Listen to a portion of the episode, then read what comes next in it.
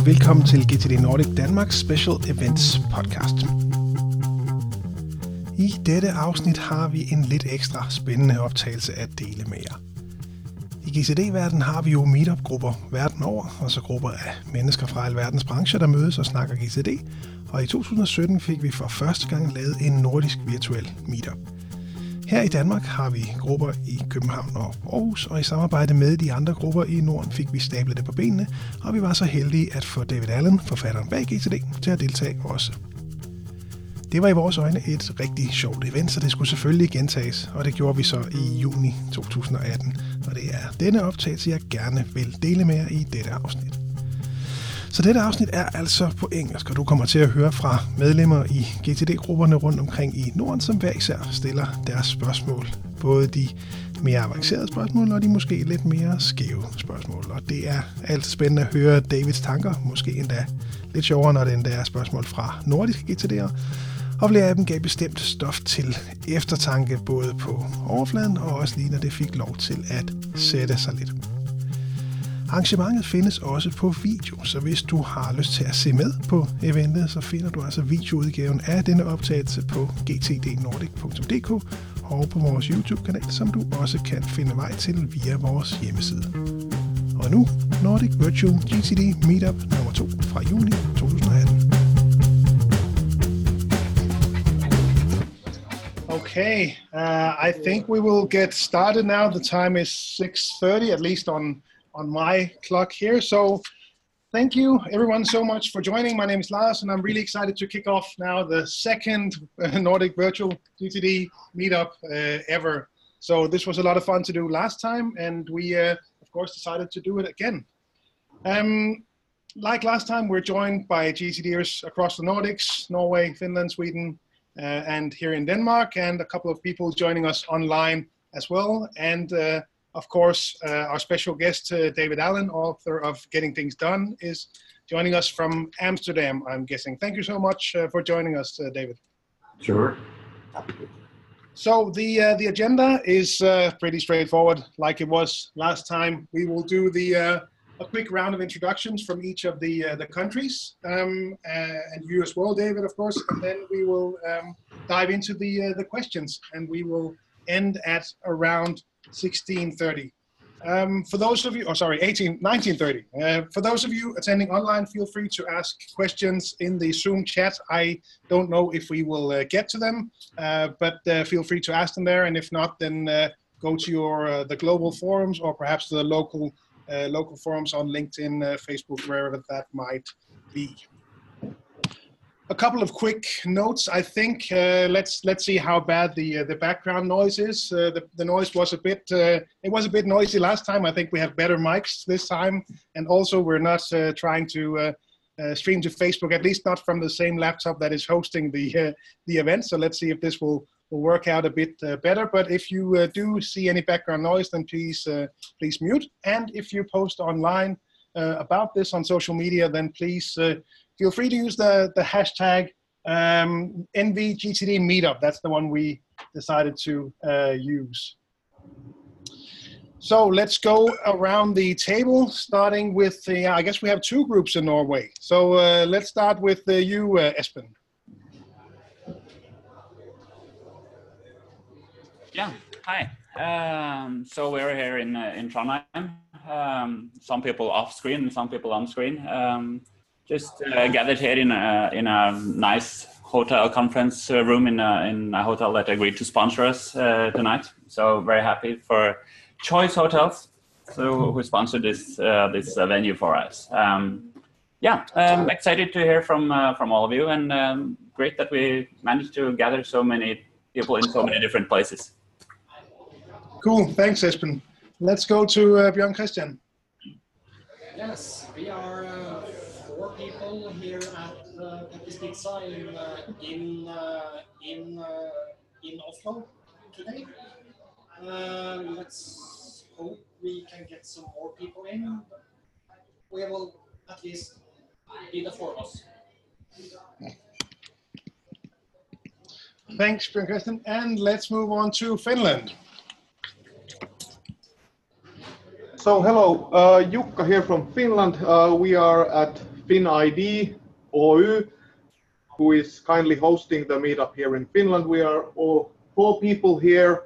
Uh, I made the event possible to view via Facebook stream, and uh, naturally, when Finns have the possibility to stay at home and not participate physically, they choose the first option. Thanks. Thanks, Jukka. Uh, and from Sweden? Yes, hello. Uh, my name is Jesper, and we have uh, seven participants here in Stockholm, and uh, a few new faces. So welcome, right. Liz, and um, looking forward to this event. Thanks. And uh, just yeah, quickly here from Denmark, uh, where I think 12 people gathered here today. So hi everyone from uh, from uh, Copenhagen, and also thanks uh, here to uh, EFS uh, World who were so kind to to save us from from not having a, a place to meet. Thanks, uh, thanks Martin for that. Uh, and last but not least, David. If your audio is still on, David, or maybe I muted you. No, I muted myself. Thanks. I'm back. I'm back.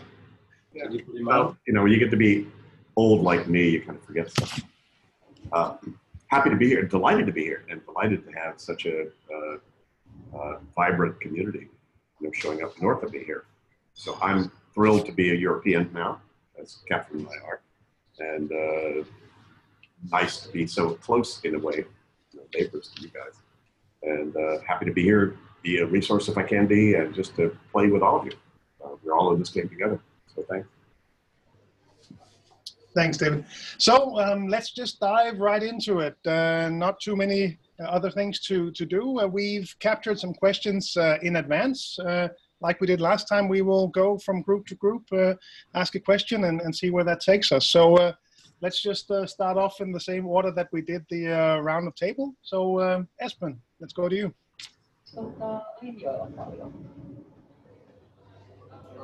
Well, actually, uh, the most uh, pressing question is uh, is probably um, an easy one, as it's it's not GTD related even. Because we were wondering how long until that pile of books behind David Allen falls down on his head. well, interestingly, yeah, no, interestingly, uh, it's actually a fabulous uh, uh, book stand from Design Within Reach in the US. And it's got the footprint of a big book, but it's all organized so that you can uh, you have a small footprint, you don't have a lot of books. And these were these are all the different languages that GTD and my other books have been translated into. We were going to throw all these books away in California. And Captain said, you know, we probably would ought to keep at least one copy of the Korean version, the Chinese version, the high version, etc. So, and and you know, in in in webinars and in and so forth, they like to see books behind somebody. It makes them look like they, they know what they're talking about. So that's why they're there. So, there's your answer. Thanks. Yeah. Cool. And uh, part two in Norway, Jan Christian. Yes, talking about books, uh, David, could you tell us a little bit about your uh, your uh, your news book, the uh, GTD for teens? Yeah, it's great. I, I didn't do most of the heavy lifting of the real writing of all the text for that, but my two co-authors, uh, Mark Wallace and Mike Williams, did that. Uh, but it's great. It, it's basically framing the basic GTD five steps of getting control, six horizons, and the natural planning model for kids. Uh, how would they use that? How could they use that potentially? What what what use might they have for that? And a lot of good examples for it. So it's interesting because it was written. The book was written for caring adults, you know, parents, counselors, teachers, uh, clergy, whoever, who have an interest interest in kids getting this before they, well, they leave school. Mom is no longer the trusted system. How many of them actually know what to do with themselves once they leave mom uh, for college or a job or whatever they whatever. And this is framed as a way to hopefully provide an education that none of us had when we left. We just had to figure all that stuff out. So hopefully this will help help uh, move that forward. So it's really, I've had adults read it go, wow, what a great reminder and kind of new spin on this stuff. We use, there's a lot of cartoons in there. We use characters. Um, you know, MIGGY, who stands for the amygdala part of your brain, and, uh, and Roland stands for the, the forebrain part of your brain, and that you know kids are going to be distracted by so many things. How do they train themselves to use their forebrain to stay focused on what they need to? So it's about staying focused in a world full of distraction. And as you guys probably know, if you know teens, I just ran across a woman a couple of weeks ago whose son is 11 years old and he had 500 WhatsApps on his phone. So, you know, this is like, whoa. You know, it's a world where the, the principles are the same for everybody. But is there a way we could potentially teach kids how to think through stuff that's coming up for them? Are you ready for the next exam? Are you ready for graduation? Are you ready for college? Are you ready for the, senior the dance? Are you ready for whatever? And getting kids to actually have a structured format to think about that. And their parents or anybody around them can help you know, facilitate that process. So we'll see.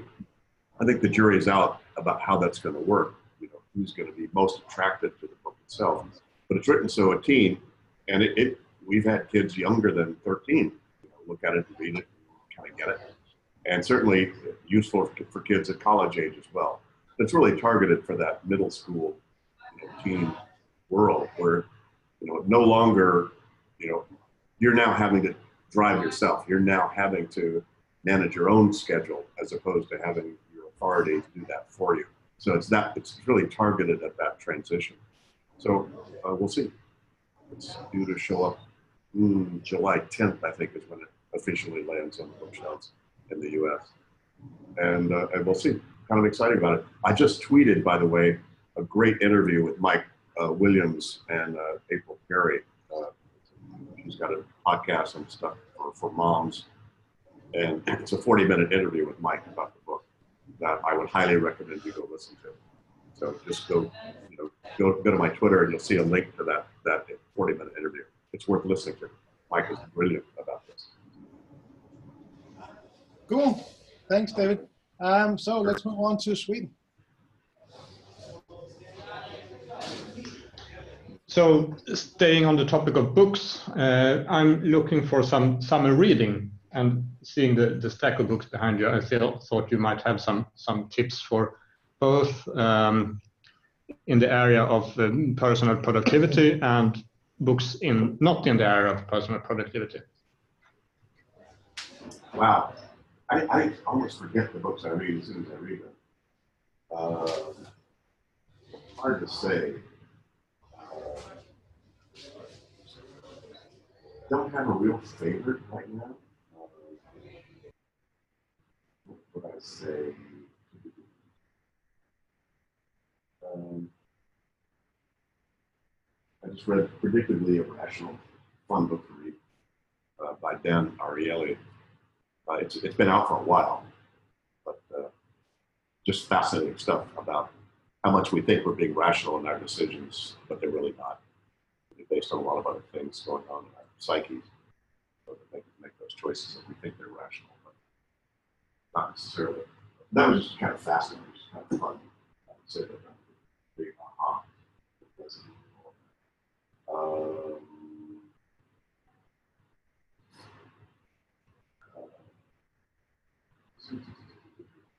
yeah, that's that's kind of what's on my on on my radar. Uh, I, I, was just given a book. Um, uh, called Breaking Rank. This was written by a very senior guy. He actually ran uh, uh, RBS, uh, Royal Bank of Scotland, for the Caribbean. For a while, he's just now kind of retired from that. And uh, I just did a TEDx in Curacao.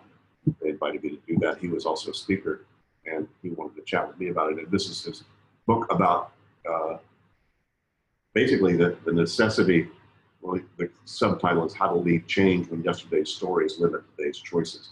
It's really about the paradigms that the third world has about themselves. That the white guys are better and smarter than we are, and how that's affecting, you know, their choices, their opportunities, etc., and how to sort of them to break free of that paradigm that was that the colonial world kind of built into a lot of the third world. The third world is, you know, as you guys probably know, is up and coming. Anyway, fascinating. I, haven't, I actually haven't read it. I just just opened the, the, the, my uh, DHL that had the book in it. So we'll see. We'll see what that's like. Uh, a fabulous book. Uh, if you haven't read The Inevitable by Kevin Kelly, uh, highly recommend that. Kevin Kelly was the, the founding editor of Wired. And I think this came out, The Inevitable came out a year or two ago anyway. It's the 12 trends that you can't stop. And Kevin's point of view is, and his he sort of curated his last 20 years of being right on the front edge of the technology world and what's going on. And his point of view is, you think we've come to the end of the digital world? He says, come on, guys, we are at the cusp of a change that is that will make the industrial revolution look tiny in terms of where the world is going, in terms of AI and the virtual world and so forth. He said, you know, it's funny, everything, you only call something AI if it hasn't been implemented yet. Every one of us right now is, is, is already engaging in the world of AI and where the virtual world is coming and virtual realities and so forth. So fascinating. Kevin's a smart guy. Uh, fascinating book. So those are some, that'd be a good summer reading if you're interested in that kind of stuff.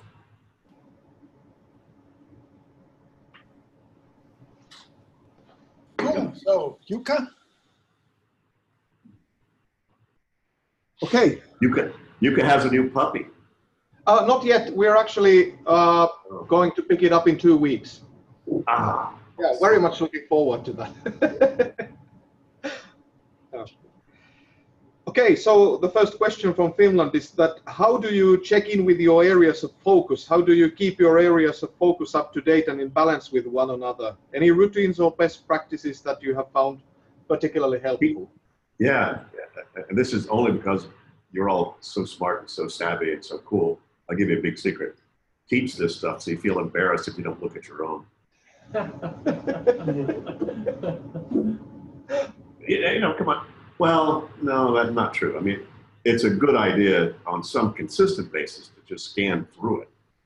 And if nothing else, just to kind of get things current. So whenever I'm sort of doing an extended weekly review, sometimes I'll pull up my those maps and say, gee, David, anything else that needs to change or needs to shift on this or needs to whatever. And, you know, my life is not moving that fast like it used to. So I don't need to necessarily revisit all of that in terms of my own accountabilities and responsibilities. But you know, still things are changing. We're changing the structure of my business, uh, and so that's going to shift some of my own um, how I think about my roles and my accountability for the business. Uh, Catherine and I are planning to immigrate uh, to the Netherlands, which we can do in a year. That's already been on our on my project list and been sort of the how's our lifestyle, how's our quality of life, how's our how we're spending our quality, our recreational time, and so forth. So that's that's kind of been there already.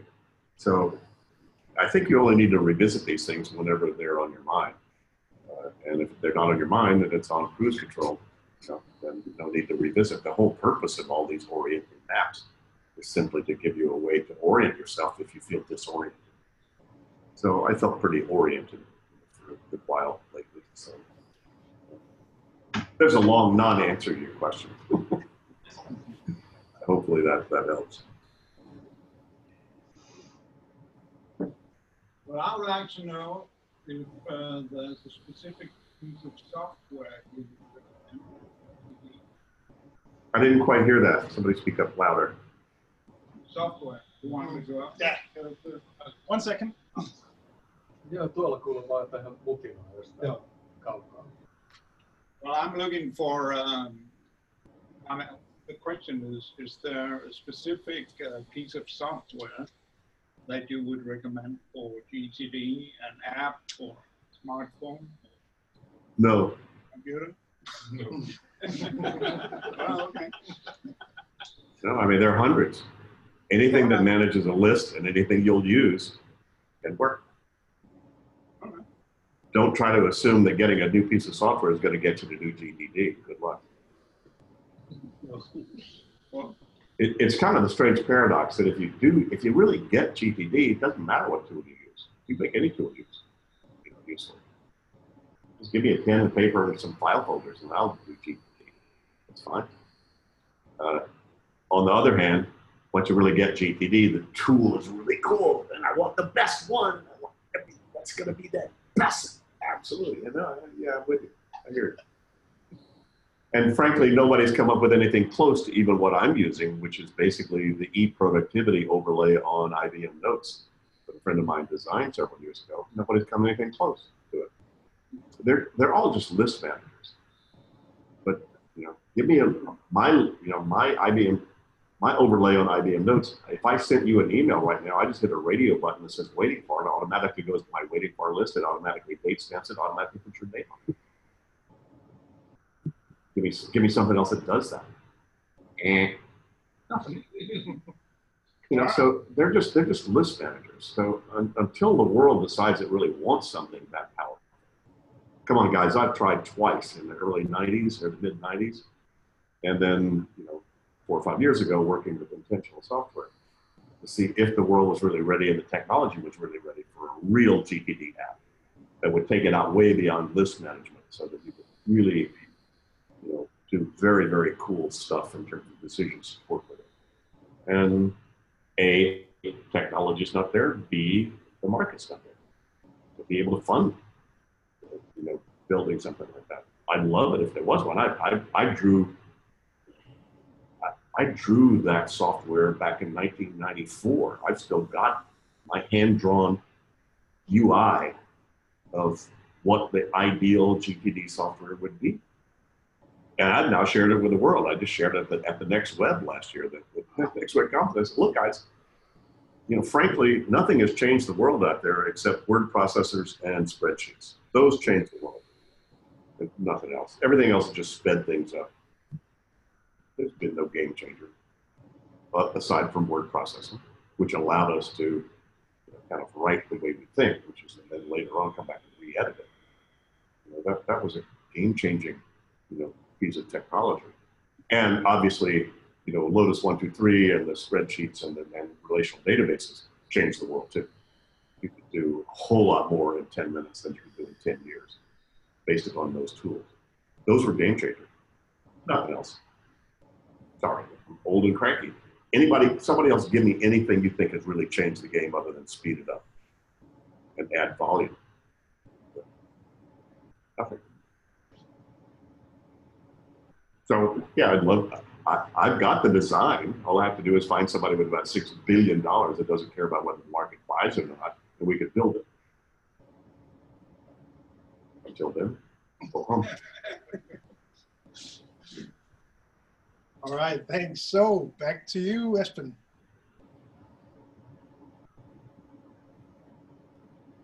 Right. Um, yeah, uh, I had a question from someone who um, uh, picked up on the um, on the AI um, discussion uh, earlier. Uh, GTD is about you know getting getting stuff out of your head, uh, and uh, do you see that AI will you know play a role in GTD in the future? It's it's kind of related to what we were just talking about. You know the game changers and the technology. So. uh, Well, I think so. If you know, for you to be able to walk into a room on Friday afternoon at three o'clock, and first of all, the room knows it's you. It also knows it's Friday at three o'clock, and it knows that you've had some of your best ideas by just stopping work and having a beer at three o'clock on Fridays. And it says, by the way, uh, here's the things you like to think about these times of the afternoon. You want to think about any of those right now.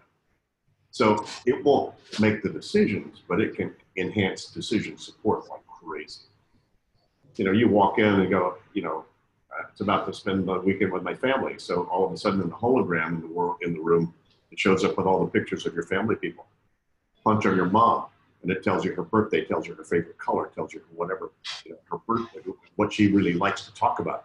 Or you punch on your daughter and it tells you what her issues were that she brought up last week when you had a family council and you've forgotten about that. It'd really be nice if you really knew that before you go home. Right? That's where AI tremendously. I mean, every one of you listening to this right now could have had a lot more thoughts today about things that could have added value to a lot of your life had you been put in, had you had the right things put in front of your face at the right time and been able to capture the results of your thinking that it would trigger. So that's good. We haven't even started yet. Great, thanks. Yeah. All right, and Björn Christian? Yes, I want to go back to uh, focus horizons. Um, what's your best advice for people that are struggling to get started with setting up their uh, their horizons of, uh, of focus? Well, it depends on what you mean by setting up their horizons of focus. I mean, you're talking about just getting people to implement GTD to begin with. We tend to start with where people are, not necessarily with where they should be. So we tend to generally start. Those of you who have done any at least informal coaching, you know you got to start with what's on people's mind. You know, I need cat food. And I need to do babysitter. I need tires on my car. I've got the holiday coming up. I need to hire a vice president. I need to figure out what to do about this problem that just showed up with my printer. I mean, you know, that's where people are. So people, we tend to, to start with getting people in control of whatever horizon that has most got their attention. And the lower horizons, meaning the lower not meaning less than, which is lower meaning more operational. Your ground level and your horizon one, you know, actions and projects driving it. That's where those are changing so fast. Uh, that's usually what's most out of control for people. And so we tend to focus people on those horizons first, just to be able to get those under control. First of all, if those are out of control, it's hard to think at any higher horizon. And once you once you get the best practices about those lower horizons, how to implement, how to create a project out of a dream you have, how to create a, a next action out of that project, and start to manifest stuff, you know, make it up, make it happen. So the make it happen game, once you feel more confident you can do that, it gives you a lot more freedom to think at higher levels. You, you you're willing to surf bigger waves. Essentially, once you know that you can get on, that you have a surfboard to surf on, and you can get back on the surfboard, the ankle tether. So there is a high level, generally speaking, there's a high leverage to getting people to get very comfortable with the ground level and horizon one. That said, if somebody shows up and said, "Hey, I want to know what my relationship with God is," and that's the, that's most on my mind, we go, "Fabulous! What's your desired outcome? What's your next action?" So the horizons have, you know, the, the implementation of outcome and action has no distinction between what the horizon is. It just may have a lot to do with the subtlety of what, your outcomes are and why you're thinking about them. So I'm not sure if that's what you were asking. So let me toss it back to you. Did that address this, or how would you reframe your question? I'm not sure exactly. I, mean, I may have understood.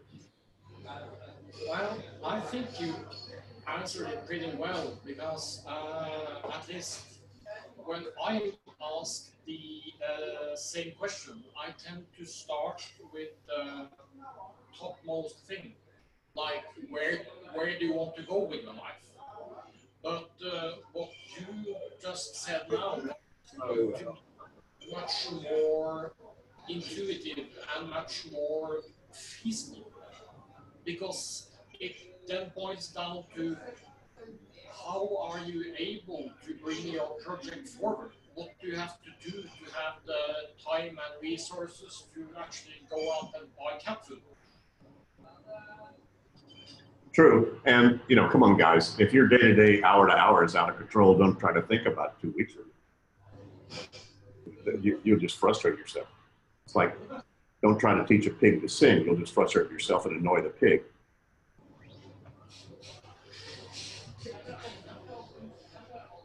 So don't, the, most of all those other productivity, you know, motivational seminars have people focus at the higher horizon.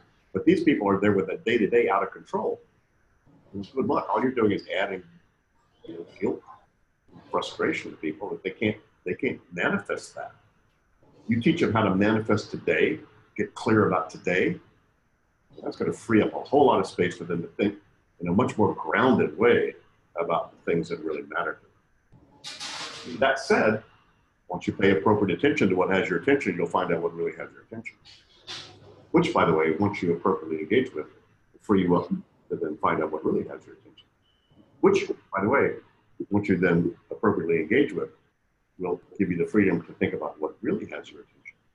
So if you try to start at the back end of that, good luck.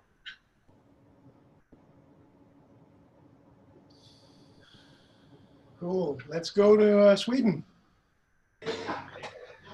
Hi there. Uh, well, this is like kind of personal question. Okay, so you feel free to answer that if you like. what, what is? Uh, I mean, I'm very curious. What is your daily morning routine? What uh, What do you do? What is the first thing you do when you wake up? Sleep as long as I can. That's That's a, and so that requires me the night before. yeah. So my day really starts the night before. The night before, I look at my calendar, which has the hard landscape for the next day or two. And that's what I check in on so I can see how long I can sleep. I love sleep. I sleep as long as I can. Okay. And once I wake up, I have a glass, a small glass of half a lemon juice and water, cleanse the system. Uh, I get uh, make a cup of fresh French press uh, coffee. Uh, read the front page, at least the front page of the New York Times. Play a couple of games of Words with Friends just to get my brain running because they're on the other side of the planet. So I catch up with a couple of games, of Scrabble, with them. Uh, take my dog out for pee and poop as required. Uh, and then who knows? I, I plan as little as I can get by with. So then my, then I just do what I feel like doing, based upon the hard landscape. What external commitments do I have? I have to keep, give me the landscape of the day, and then if I have discretionary time, who knows? Uh, I do whatever I feel like doing.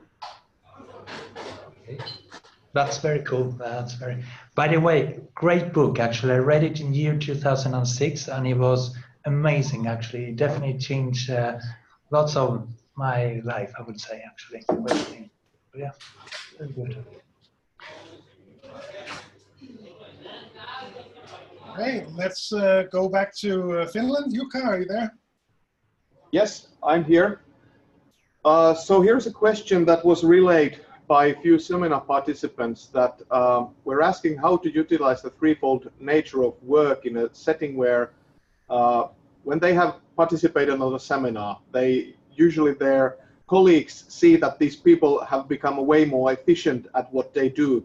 And uh, what they notice is that other people start to bring them small fires all the time, and it seems that they are lighting up fires under their seats because these people are very efficient in putting them out, but then they also feel the stress that the amount of uh, unplanned work is piling and piling and piling uh, when they actually should feel uh, a relief of actually having everything under control. So uh, any tips, tricks, ideas about uh, how, how could they delve deep, deeper into the threefold nature of work in order to cope with these fires?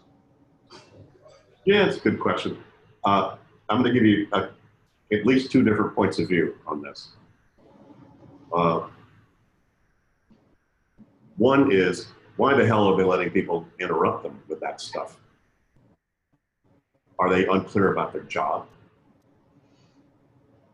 So if you don't know what your accountabilities are and what your roles are, and the people giving you stuff are not clear about their roles, they're not fulfilling their roles, that's an OD issue.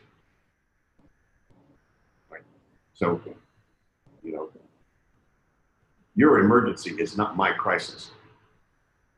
And you know, another point of view on this is there are no interruptions, only mismanaged inputs. You either need that input or you don't. If you don't, stop it. If you do, that's your job.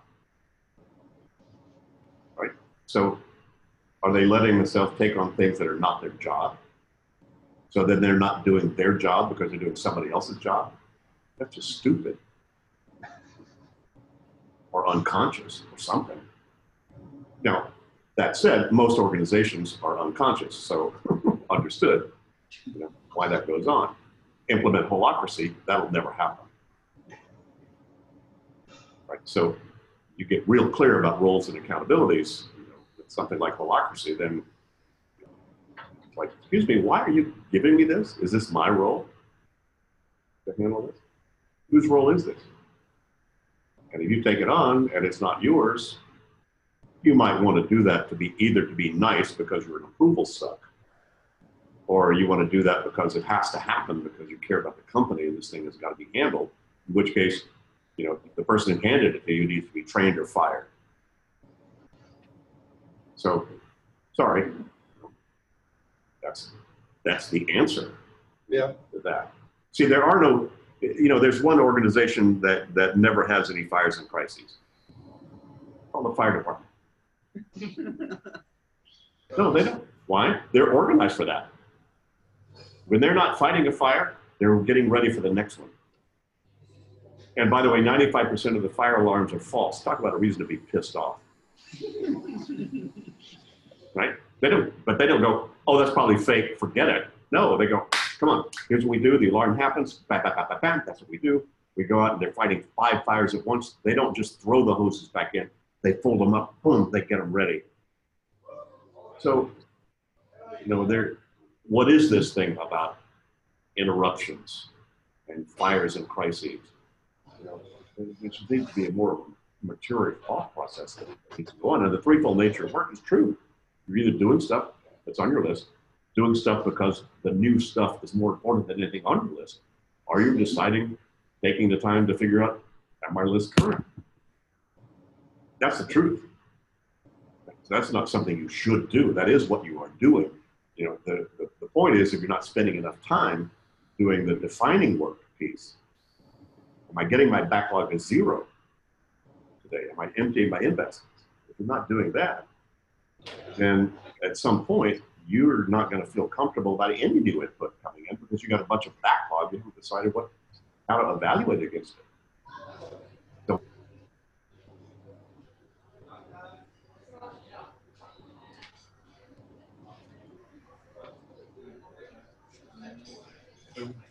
I think we might have lost uh, David, or at least that's the case here in Denmark. Oh, you're back, David. Good. then um, let's, I propose move on to the next uh, Danish question. Yes, uh, hello, David. Uh, in the Dutch uh, interview with uh, Linda, uh, great interview, you said uh, when she was quite frustrated that the only way uh, out is through. Um, was was was that that there was no easy easy way uh, out of, of, of when you're overwhelmed that uh, you, you need to go through the process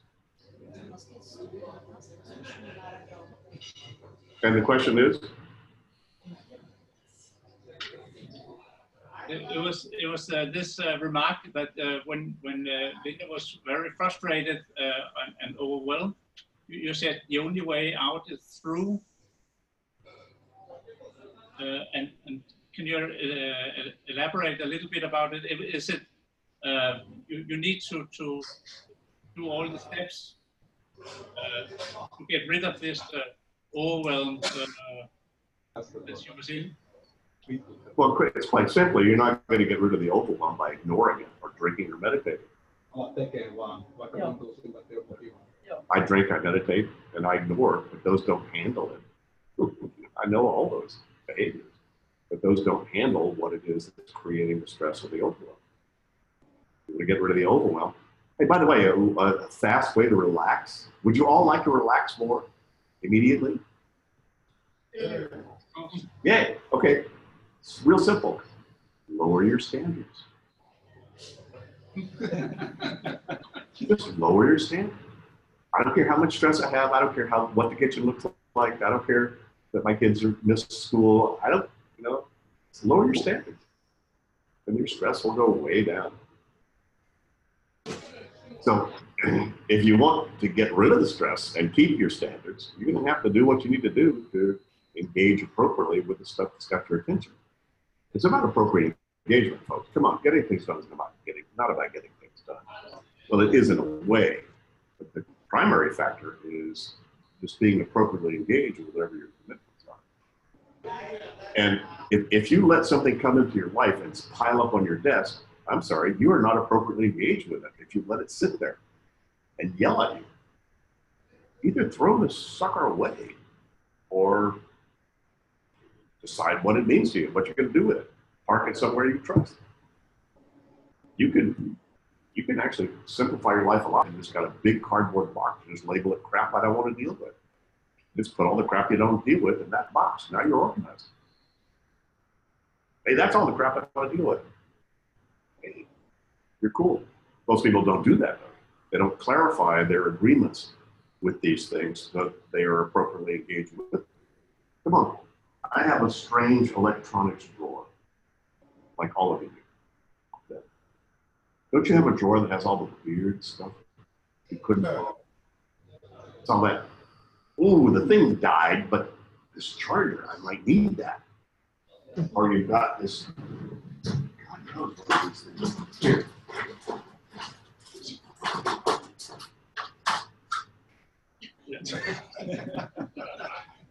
That's that's my right hand drawer over here that has all the weird electronic stuff. that I might need, might even have access to, could use, might run across something that needs that to make it work. And that's as organized as it is. I'm fine. That's just that's where those things are. That's what it is. I am now appropriately engaged with that stuff. So if you kind of catch that, neat and organized are not the same thing. A lot of people are very neat, but their head is out of control. So,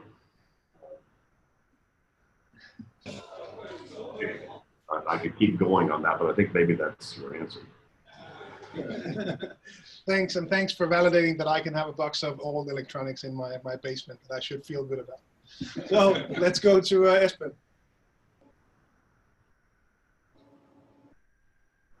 Yeah, um, hi again. Um, uh, I've um, spoken to many people uh, recently that uh, you know, kind of identifies that uh, we've been talking about reasons why why GTD or other productivity habits didn't work, um, and and we most of the time we we found out that the problem was was stage four. You know, uh, review uh, wasn't done consistently enough or good enough, or it was difficult to keep doing it after a while. Uh, what's your best uh, tips or advice for for you know continuing to do a, a weekly review and, and being consistently and, and, appropriately engaged with all your stuff from not only for a week or a year but you know for decades like you've been uh, doing now?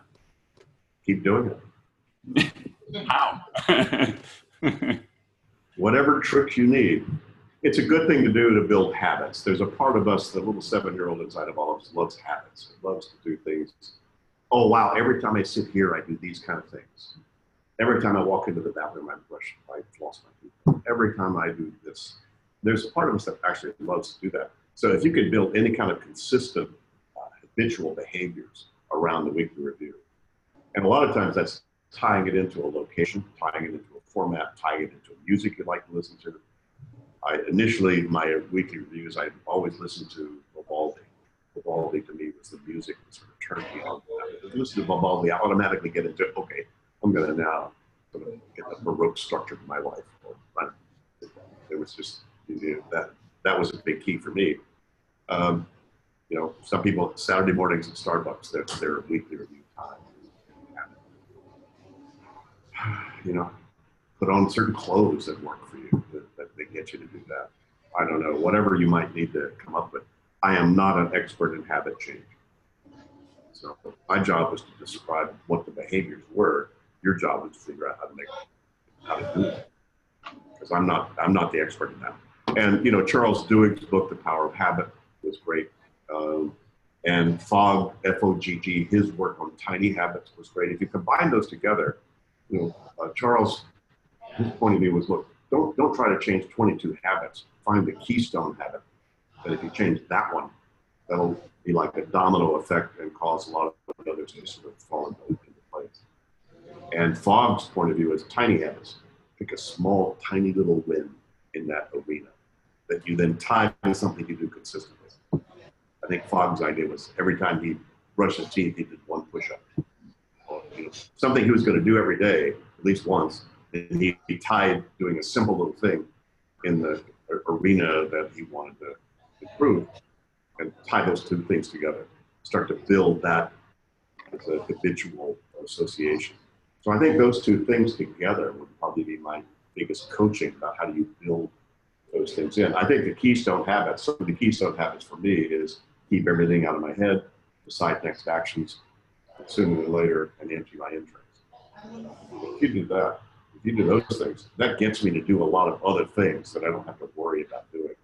I mean, I've got things, I got something sitting here from a meeting today. I don't want to have to deal with this.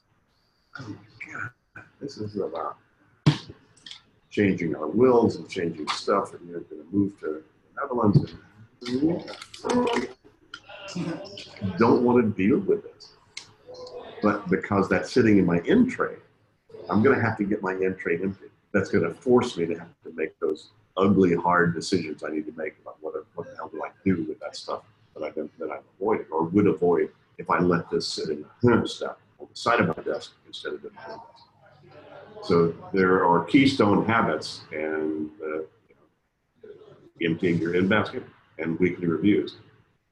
You know, those are, and how do you build that in? God, if I if I had a pill I could give everybody, I'd make a lot more money that I do. But get you to do that. Um, so that's my answer. Okay, and uh, Peppes Pizza? Hi. Um, hi, David. Um, I was wondering, what is the most unusual application of GTD that um, you have encountered? The most unusual application of it, you said? Yes. Good question. Um, hmm. Well, one guy swears that he cured himself of cancer by using this. Simply because as when he was being getting chemotherapy and having to be in a hotel room, he found my book, started to read it. He said, wow, what if I just started to focus on a positive outcome here? And started to decide what are the next actions I need to take to get there. And he's cancer free now. Now, whether you could say that was, those were the specific things that made it happen. Certainly, in, in his point of view, it made a whole lot of difference for him to then recognize things he needed to do and things that would work. Uh, ben Saunders, first guy to ski to the South Pole you know, solo. Uh, Arctic.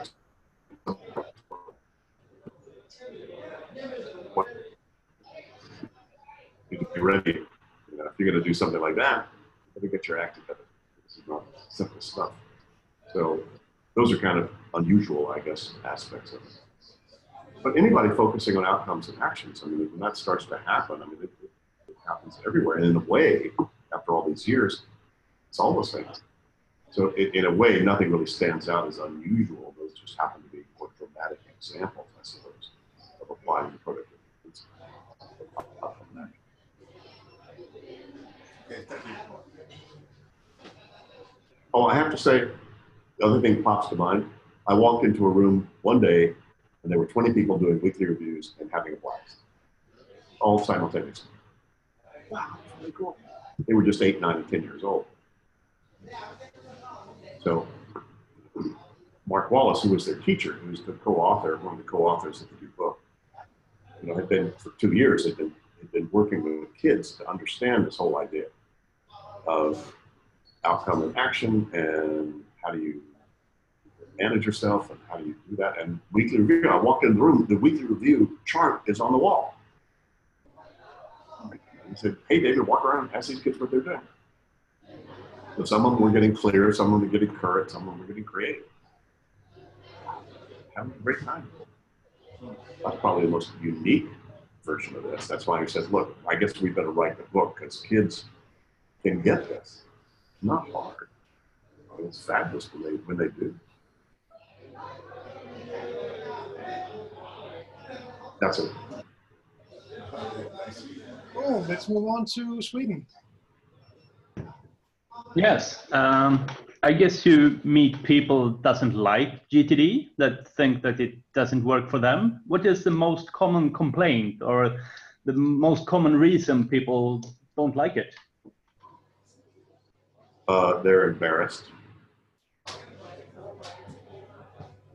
I think that's my assessment.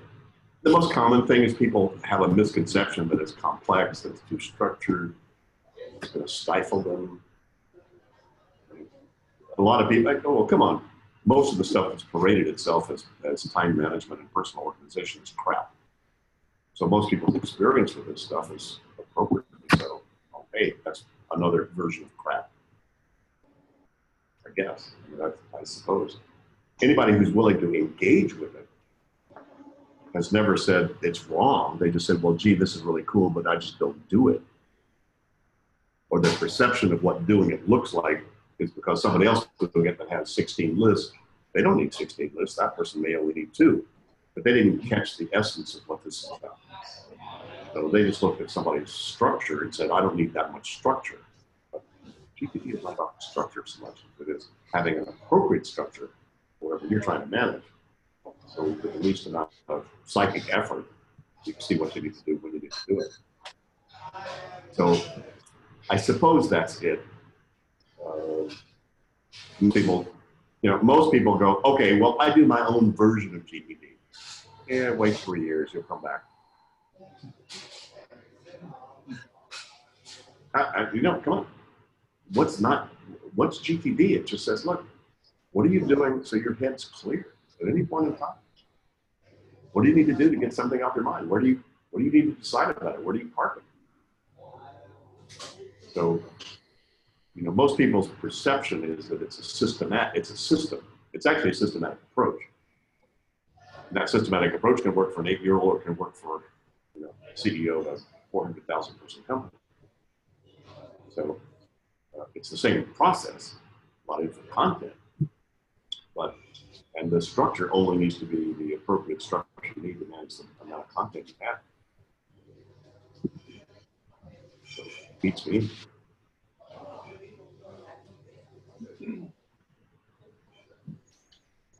Okay. Why do you think? Why do you guys think? Why do you guys think people resist this? I'm curious. Are you Scandinavians just saying, "Hey, we're already organized. We already have our life together. We don't need any of that"? Is that what you guys? Is that what you run up against? I think uh, the most common thing I hear is I don't need it. Uh, it's working fine as it is. I can keep it in my head. Sure. And, and it probably is. That's fine. Most people haven't a clue about how much they have in their head, and they're basically BS, you know, about that. Because most people don't have any experience of what it's like actually have nothing in mind. If they did, they'd have a very different reference point. Most people are just used to stuff banging around their head. People's addiction to stress or their willingness to tolerate that, that tension that shows up because things are still in their head. That's just so comfortable and so usual and, and uh, familiar to people. They don't think they need to change. Wait till a major life crisis hits them and then see what happens. I, I think there, there's a part that it's it's unpleasant to realize how many commitments you have, and when you start doing GTD, you get it all out on the table, and, and that, that that can be scary. Yeah. Yeah, people get mad at me for their list. I go, I'm sorry, that ain't my that ain't my list. I'm not, I'm not saying Your, your your choice is where you keep track of it. You want to keep it in here, or you want to keep it out here. but but it's it's Just read any of the cognitive science literature. They'll tell you which one you ought to do.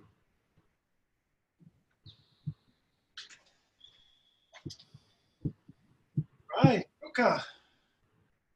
Okay, Uh, so these questions actually um, came from the Facebook stream. Uh, from its comments, this is from a, a participant there, and uh, it has to do with a term called meta work. I don't know how familiar the term meta work is in other countries, as in Finland.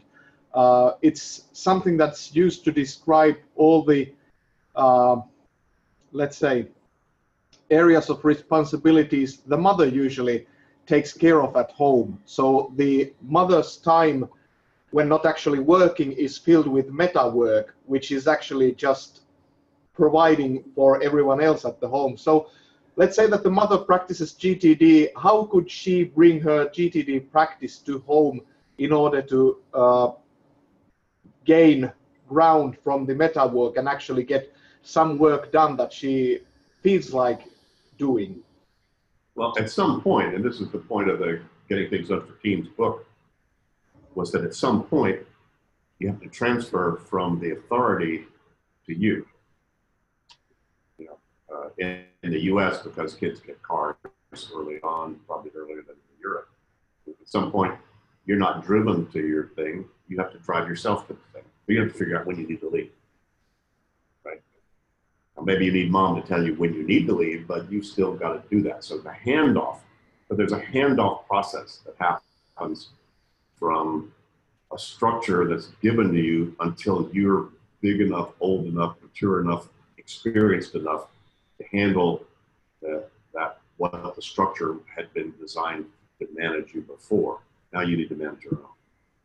So when kids transfer from middle school to, to high school, from high school to college, or from high school or college to a job, there's a big transfer of how, how do I manage myself now in a world that wasn't structured the way it was before? So school is a meta structure or meta work. They give you a class schedule, they give you homework assignments, they give you all that. So I suppose that's a version of meta work, which is best I understand the definition. Uh, meaning somebody has defined what your work is.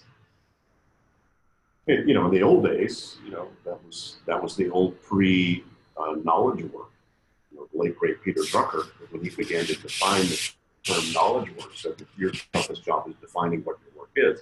Because 100 years ago, most people made their living by making and moving things. So when you showed up unmade, unmoved things, told you what to do. So the work essentially was defined by the external world in front of you. You didn't have to make it up. But every one of us right now is getting emails right now that do not tell you what to do with that email you actually have to think. You have to think about it. You have to decide that. You have to decide what am I going to do with that, and so forth. So there's no meta work that's happening that's telling you what to do with that email. So yeah. So I suppose meta work would be ultimately that's where AI is going to get rid of a lot of jobs because AI is going to figure out what the meta work is. So, hey, look, when a customer service hits number three on the phone, it automatically puts them into this bank then they answer A, B, and C, and then it moves into this bank. So they're defining meta work.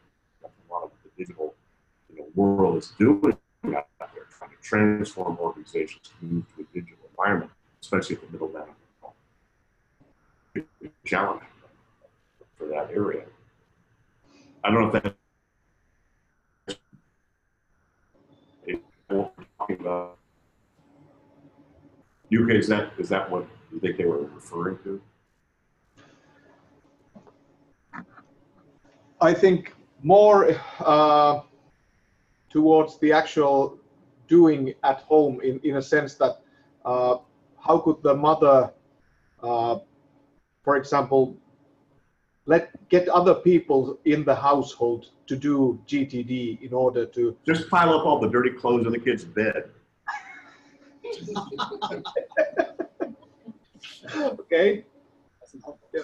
I don't know. How would you do it? Right. Okay, I am now no, no longer going to do this. Uh, here's what you, I think you probably need to get done. Here's how you would do that. All yours. Go. So you, uh, I presume you will let us know how that goes when you give that a give that a try. All right, we're running. Uh, we're getting really close to uh, to 7:30. Just one last quick question here from Denmark. Yeah, uh, thanks.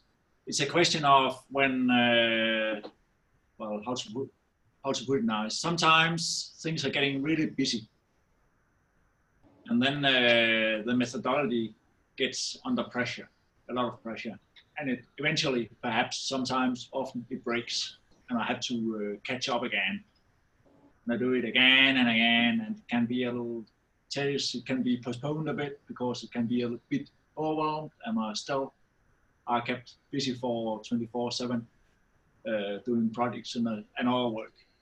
Mm, do I have some tips to? Well, there's I know there's no way you can go around getting the stuff done and getting the job. You have to you have to live through it, kind of.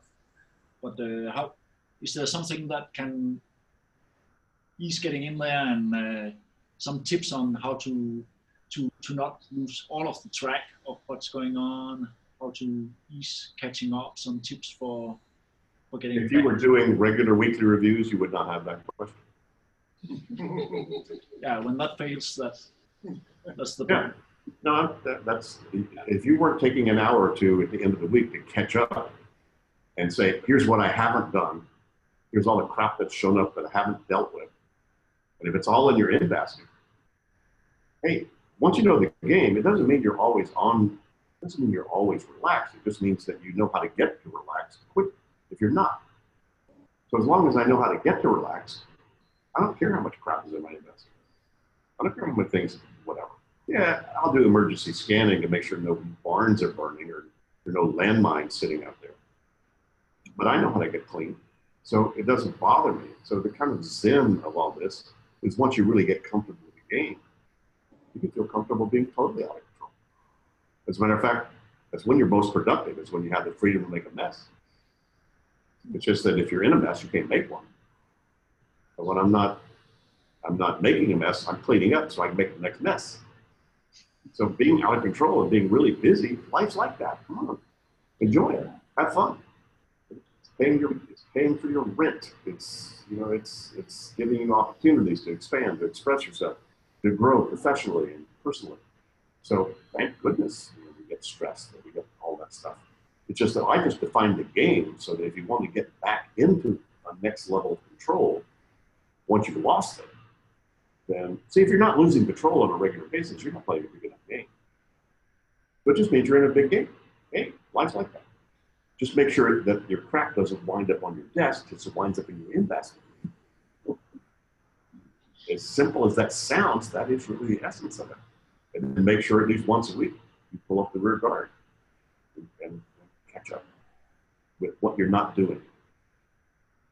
So you can only feel good about what you're not doing when you know what you're not doing. So when you get really, really busy, and just for all of you, that's a hallmark of your maturity with GTD. Up until a certain point, that stuff will throw you off the game. After that point, that stuff will throw you onto your game. Because you know that's what you need to do in order to get back into control. So just ask yourself if you've lost the game, if you've fallen off the wagon, that's because you weren't mature enough yet with the process to realize, wait a minute, I'm off my wagon. I need to stop and do a weekly review. I need to stop and clean up and empty my head and clarify next actions and organize myself again, get my list current and clean. It's not, these are not, these are not rocket science things to do. But just recognizing when you need to stop and do that, it doesn't take you long. But come on, I resisted like anybody. I'm a fellow student. It can, it can feel crazy, and I don't have time to sit down and do a weekly review, and I know I should. And when I sit down and do it, I'm not pizza stuff. Of course. So just keep going. Just keep doing it.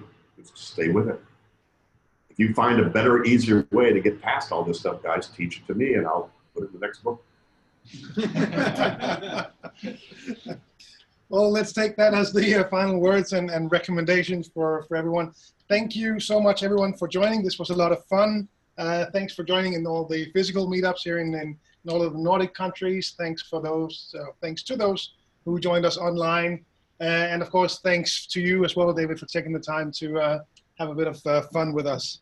Um, lastly, for those of you who may be viewing this online after the fact, you can find more information about our meetups at meetup.com. Just search for GTD and the uh, bigger city in your uh, country, then you will likely find it. And of course, check out uh, gettingthingsdone.com and gtdnordic.com. So we'll close the stream now. Thank you, everyone, and uh, talk to you next time.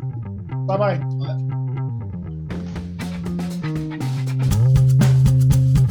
Det var alt for dette afsnit af GTD Nordic Danmark Special Events podcasten. Vi håber, du har fået noget rigtig godt med dig fra dette afsnit, og hører rigtig gerne fra dig, hvis du har feedback eller spørgsmål. Du finder kontaktinformationerne på vores hjemmeside, gcdnordic.dk, hvor du også finder mere information om GCD i Danmark. Tak for nu, og vi høres ved igen i næste afsnit.